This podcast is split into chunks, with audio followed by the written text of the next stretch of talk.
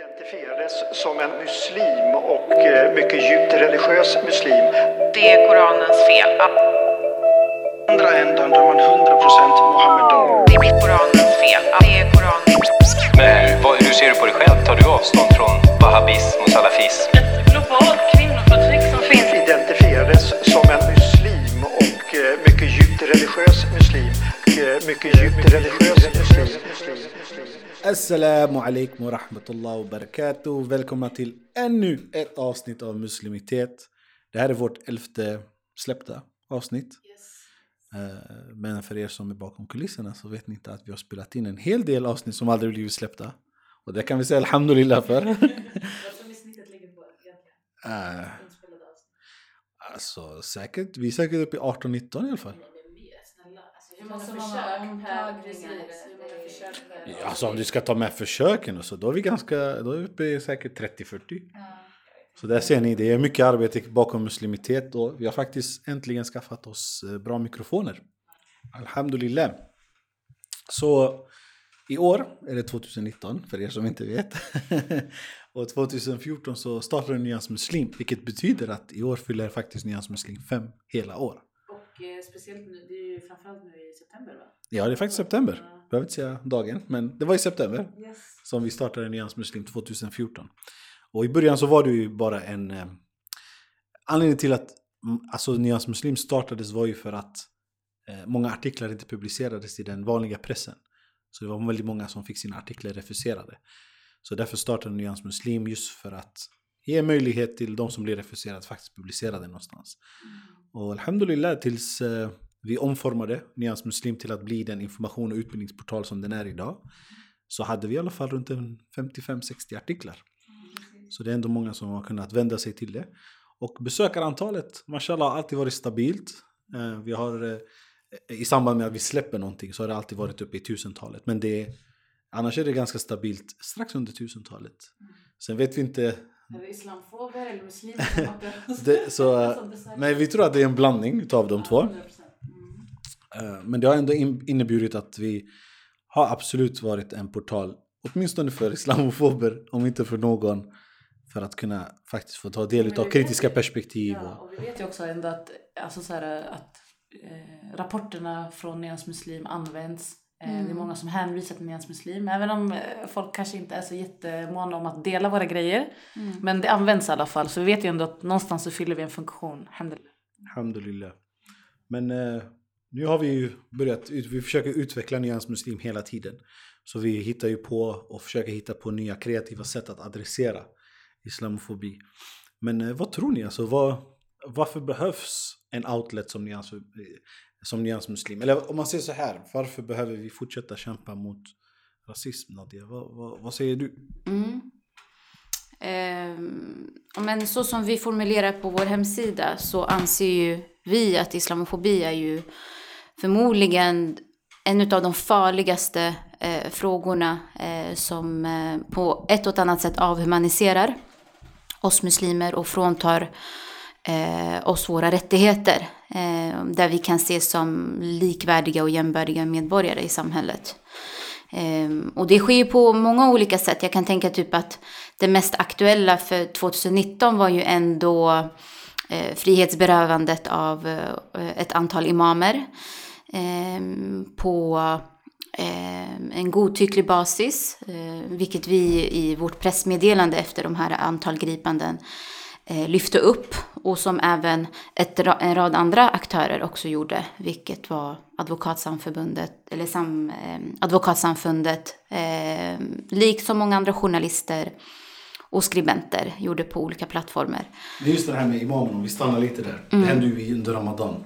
Så började strax innan Ramadan så greps den första och sen följde fem stycken efter. Exakt. Så vad vi vet och vad som har blivit känt för oss är att sex personer blev frihetsberövade eh, med hänvisning till lagen om särskild utlänningskontroll som det heter. Många muslimska organisationer och muslimska aktivister, många har inte varit alls aktiva i den här debatten kring de här imamerna. Eh, väldigt få har reagerat eh, mot de här gripandena. Muslimska organisationer har varit väldigt, väldigt tysta. Eh, I och för sig, imam, det finns ju några, imamrådet tror jag de kallas. Sveriges imamråd, de gav ut ett uttalande om de här och eh, Eh, även Ahmed Mufti har ju skrivit bland annat. Men varför tror du eh, alltså, att muslimer inte... Alltså hur skulle du se... Om vi säger så här, hur, hur är den här händelsen islamofobisk? Varför, är de här grip, varför skulle man kunna beskriva, beskriva de här gripanden som islamofobisk?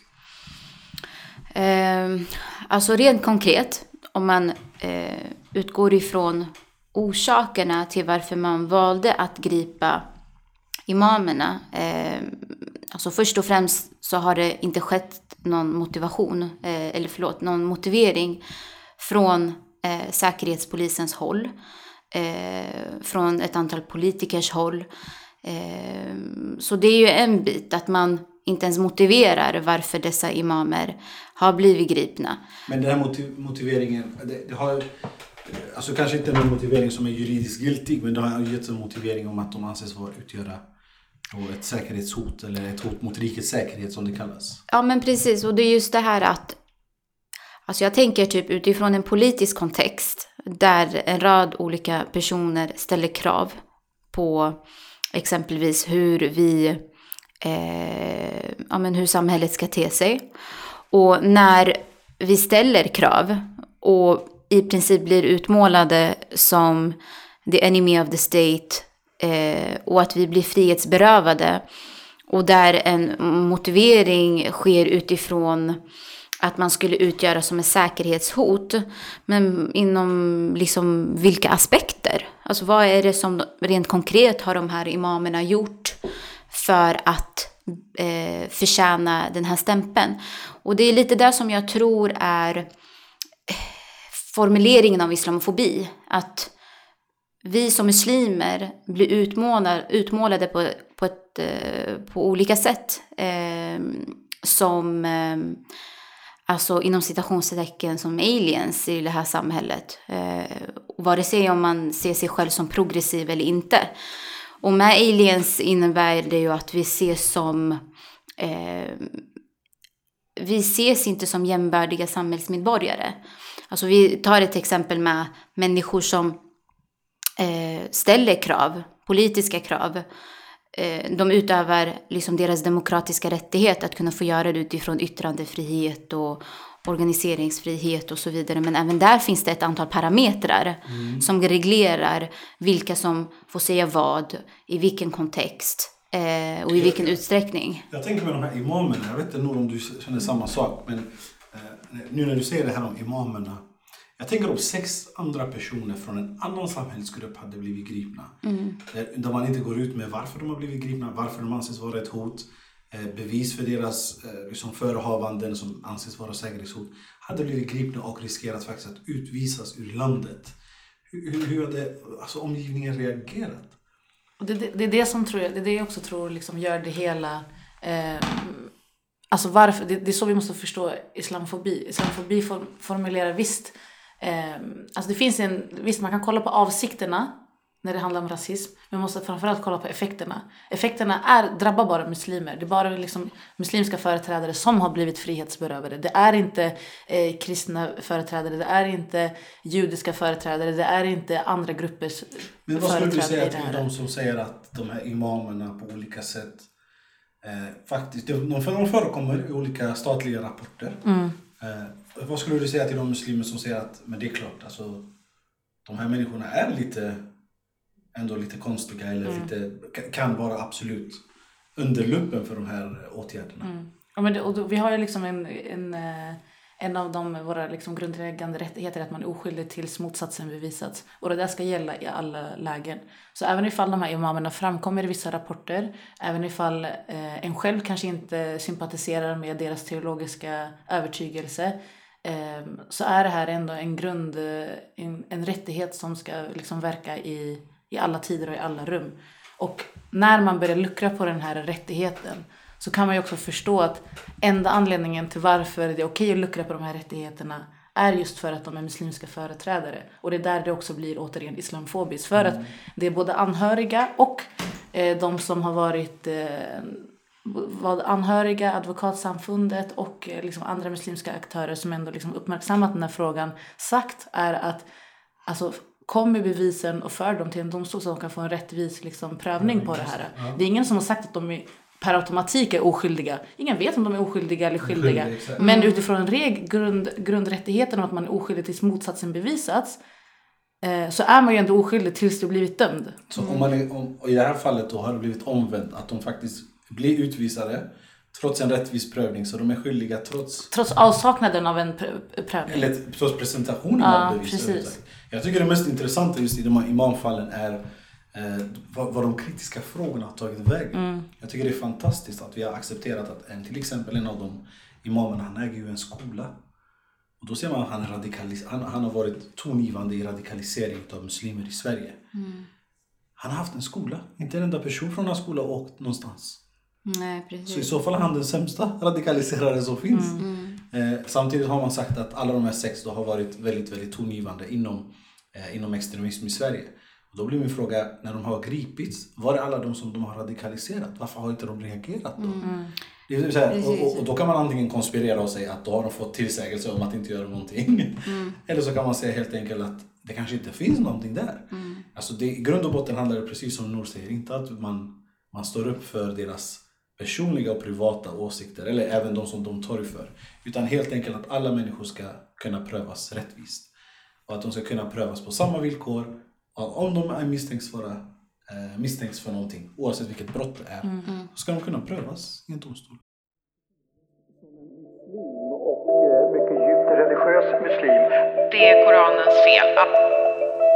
Andra ändan där man 100% Mohammedan. det är Koranens fel. Det är Men hur, vad, hur ser du på dig själv? Tar du avstånd från wahhabism och salafism? Ett globalt kvinnoförtryck som finns Identifierades som en muslim och eh, mycket djupt religiös muslim. Eh, mycket djupt religiös muslim.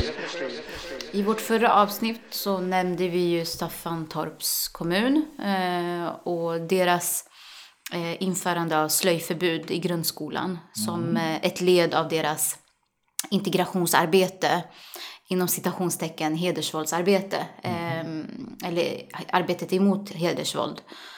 Eh, och det upplever jag ändå är väldigt Alltså det ju, har aldrig förekommit i Sveriges historia att man har infört ett sånt förbud. På åtminstone... Eh, alltså jag tänker att det här är liksom en reglering av hur institutioner ska arbeta. Att det ska existera ett slöjförbud. Inte så här explicit i alla fall. Mm. Eh, Jag vet exempelvis att Skolverket eh, publicerade för ett antal år sedan, om inte det var i början utav, eh, om det var 2008 eller 2007.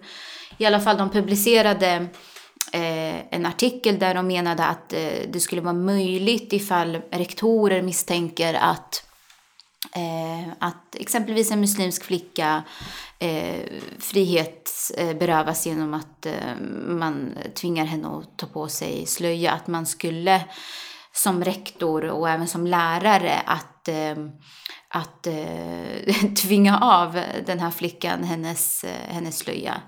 Eh, men att det fortfarande om, var omdiskuterat. Eh, så det har ju inte skett så här explicit eh, förrän nu. Eh, det har ju fortfarande varit diskussioner ifall det ska vara möjligt att införa ett sådant förbud. Eh, men nu har det ju faktiskt hänt och vi ser ju att det bara är, även om det sägs att man inte, eh, att det inte kommer ge några effekter i skolan, eh, så är det om något eh, en symbolisk gest. Att Men är inte det intressant nu att man ser att de två exemplen du har tagit upp, det är dels som kriget mot terrorismen, den första med imamerna, den andra då är eh, slöjförbud eller hedersvåld. Och det är också de två som har blivit instiftade i de flesta kommuner med speciellt förordnade eh, eh, samordnare i de här kommunerna. Även på stadsdelsnivå. Alltså att vi har på stadsdelsnivå personer mot våldsbejakande extremism som kartlägger och, och, och, och liksom förordar för då kommuner hur de ska arbeta och så vidare. Och även då eh, mot hedersvåld. Det är just de två. Det går hand i hand. Och det är därför det är viktigt att alltid koppla hur den politiska debatten går i Sverige till de faktiska effekterna och konsekvenserna som du nämnde Nour. Hur vad det faktiskt blir utav dem. Eller hur? Ja, och, och eh, förutom det så har vi, är det Bromölla i Skåne? Jag fick ju värsta dialekten där. Men ja, Bromölla eh, kommun om Böne- böneförbud på böneförbud, det, ja. arbetstid också. Eh, Ja, du- ja. det exemplet har vi. Just det, så det är både då är det bön, då är det slöja, då är det både handling, utseende, åsikter, Mm. ser ni? Eh, och sen har vi även, förutom Bromölla och... Då Och det här var 2018, eller? Alltså det är från två, det är efter valet allt det här har hänt. Ja, det är, allt, allt det här är efter valet fram till nu. Så, Till och med, jag tror vi har bara nämnt 2019 till och med. Jag tror inte ens vi har nämnt från 18. Men det är en till sak som var, förutom, eh, det var också fastan. Just Många det. skolor tog det var en del, precis, Många skolor gick ut och sa att de är jätteoroliga för barnens Just hälsa. det. Och det ironiska i sammanhanget är att många av de här skolorna året om Mm. har jättestora problem med sina studieresultat, studiero. Och helt plötsligt under Ramadan så blir de extra oroliga för barnens hälsa och, och, och, tillstånd. Och det är intressant, inte för att jag vill förminska deras oro eller förminska deras alltså, autentiska oro för, Mm. eh, för barnens hälsa. Självklart, det kan man absolut ta på allvar. Men att det är just de skolorna som samtidigt visar upp de alltså, sämst, ofta väldigt dåliga eh, resultat. Det är Mm. intressant. Alltså, hur kommer det sig att just de skolorna också blir där den här frågan blir hetast? Ja, för att inte nämna hur man nu plötsligt är så mån om att eleverna ska äta sin lunch. Alltså elever hoppar över luncher stup i kvarten. Alltså för att man inte tycker om skolmaten, man tycker inte om det som serveras. Eh, man eh, kanske går och äter godis istället på rasterna eller alltså jag vet inte. Men eh, hur det nu liksom blir så här, eh, lunchen blir så central. Alltså så här, påtvingad lunch. Alltså, ja. Men det har varit, det har varit ganska mycket ändå. Alltså, men det, hela och det här är ändå bara några saker som vi nämner. Ja. Så i media vet vi också det har varit lite eh, ruscher kring olika saker. Har det varit någon organisation som... Under våren brukar det alltid vara att organisationer blir, någon organisation blir uppmärksammad. Tidigare har det varit Sveriges Unga Muslimer, Sveriges Förenade Muslimer. Men det är oftast när det är i samband med konferenser. De har ju inte haft eh, många av våra Men faktiskt Ibn Rushd har föreningar faktiskt och organisationer. Ibn Rushd har ju haft en utredning som nu kom ut. Eh, Folkbildningsrådet har gjort en utredning på Ibn Rushd. Det kom bara ut i dagarna. Okej, jag har missat det. Och då har man i den här rapporten då man skriver att Ibn Rushd är, är en demokratisk organisation med sina problem och med sina laster och så vidare. Men Folkbildningsrådet har då gjort en ordentlig genomförd utredning. Och det har också, Ibn Rushd har också varit eh, på tapeten under våren faktiskt. Jag vet i Göteborg Vänta, så de blev inte hängda där? Inte helt. Nej. Eh, De blev befriade från många av de anklagelserna de Ja. anklagades för i, i offentligheten. Eh, Men samtidigt inte rapporten, jag har inte läst den Nej. jättenoga, jag har bara skummat igenom den. Men som jag förstod från rapporten och en rapportförfattare, jag kommer inte ihåg vad han heter, professorn i statskunskap som har skrivit den. Eh, Han skrev på DN en debattartikel också om den. Men Ibn Rushd har ju varit på tapeten under våren. Här i Göteborg så finns det en, ironiskt nog, en insats. Det finns ett förslag om åtgärder mot rasism som ska då implementeras kommunalt.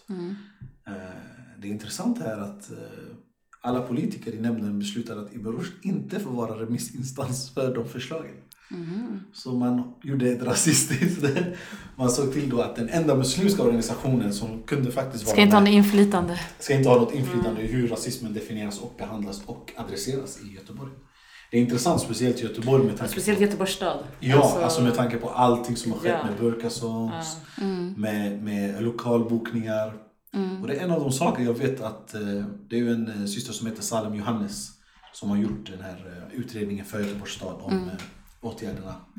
Och en av de saker hon nämnde, dels är det att det var väldigt många muslimer som vände sig till henne väldigt snabbt med frågor om deras möjlighet till organisering, lokalbokning, föreningsbidrag.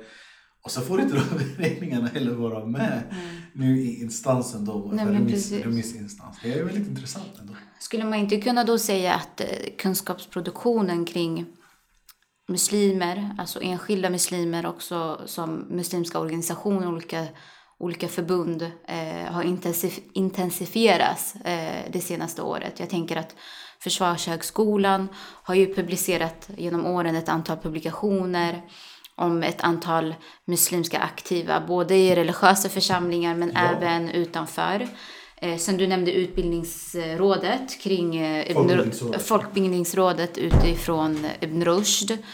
Och jag tänker också det är det som var ett led i varför också man kunde eh, legitimera frihetsberövandet av exempelvis eh, imamerna för att tidigare år har man skapat, eh, man har kunskapsproducerat kring hur dessa muslimer ter sig, vilka värderingar de står för, eh, vilka nidbilder, rasistiska nidbilder de eh, lever upp till. Eh, att de skulle vara eh, emot eh, jämställdhet eh, och demokrati med mera. Så jag tänker också det är ett viktigt led i varför vi behöver prata om varför islamofobi eh, behöver bekämpas för att kunskapsproduktion är ett viktigt eh, ja, men det är ett viktigt instrument i hur man eh, kan upprätthålla islamofobi i samhället. 100 procent. Och det är som du säger, det, det är nog en av de främsta anledningarna till varför också eh, alltså så här, reaktionerna mot eh, fängslandet av våra imamer eh, har liksom varit så väldigt så här, passiv. Eh, alltså ett narrativ, även om det bara liksom, även ifall vi bara kanske förstår det som ett narrativ så blir det ändå en sanning till slut ifall det liksom upprepas tillräckligt många gånger. Det vet vi alla. Eh, så att narrativet om de här imamerna eller om vissa föreningar, om vissa organisationer. Eh, det, det finns ju, det, det sanningsförklaras till slut. Och eh, då kommer man också vid, vidta åtgärder för att Exakt. bemöta det här. Så då har vi hijaben blir hedersförtryck. Precis. Hijaben blir förtryckande. Imamerna Det- blir terrorister. Blir eh, terroristsympatisörer. Ja, det, alltså de här olika bitarna förkroppsligar där samhället anses 100%. va, anser vara förkastligt. Och då får muslimer inte en möjlighet till rättvisa prövningar. Exakt. Alltså både socialt, politiskt och juridiskt. Alltså egentligen. Muslimer får inte en ärlig chans att kunna verka i samhället på sina egna villkor överhuvudtaget. Men okej, men Nyans Muslim fortsätter. Tanken är inshallah att vi fortsätter med allas hjälp, självklart. Inshallah. Eh, Och vårt mål måste väl ändå vara någonstans att vi inte ska behöva fortsätta. Men där Ja. är vi. Eller hur? Att där vi till slut inte ska existera. Men inshallah, det kanske är våra barnbarns barn som... eh, eh, men Eller andra där ute. Men det var, jag hörde faktiskt Imam Zahir Mahmoud, om du känner till honom, han sa en jättefin grej på, en, eh, på ett tal om islamofobi ändå. Han sa eh, vi måste kämpa mot islamofobi för att om vi, om vi upplever att vi le- lever på knä idag och vi inte gör någonting åt det kommer våra barn leva på magen. Ja, exakt. Och det, och det är det vi måste komma ihåg att vi, vi, det, här handlar inte, det här är något jätteoegoistiskt att göra. Det här handlar inte om oss. Det handlar om alltså, hur människan, hur vi ska faktiskt vara tillsammans i världen. Det handlar i grund och botten hur kan vi leva tillsammans? Människor med alla slags olika slags idéer, åsikter, utseenden, whatever. Hur kan vi leva tillsammans? Hur kan vi tillsammans forma den här världen för att kunna leva i den tillsammans? Precis. Så som just nu.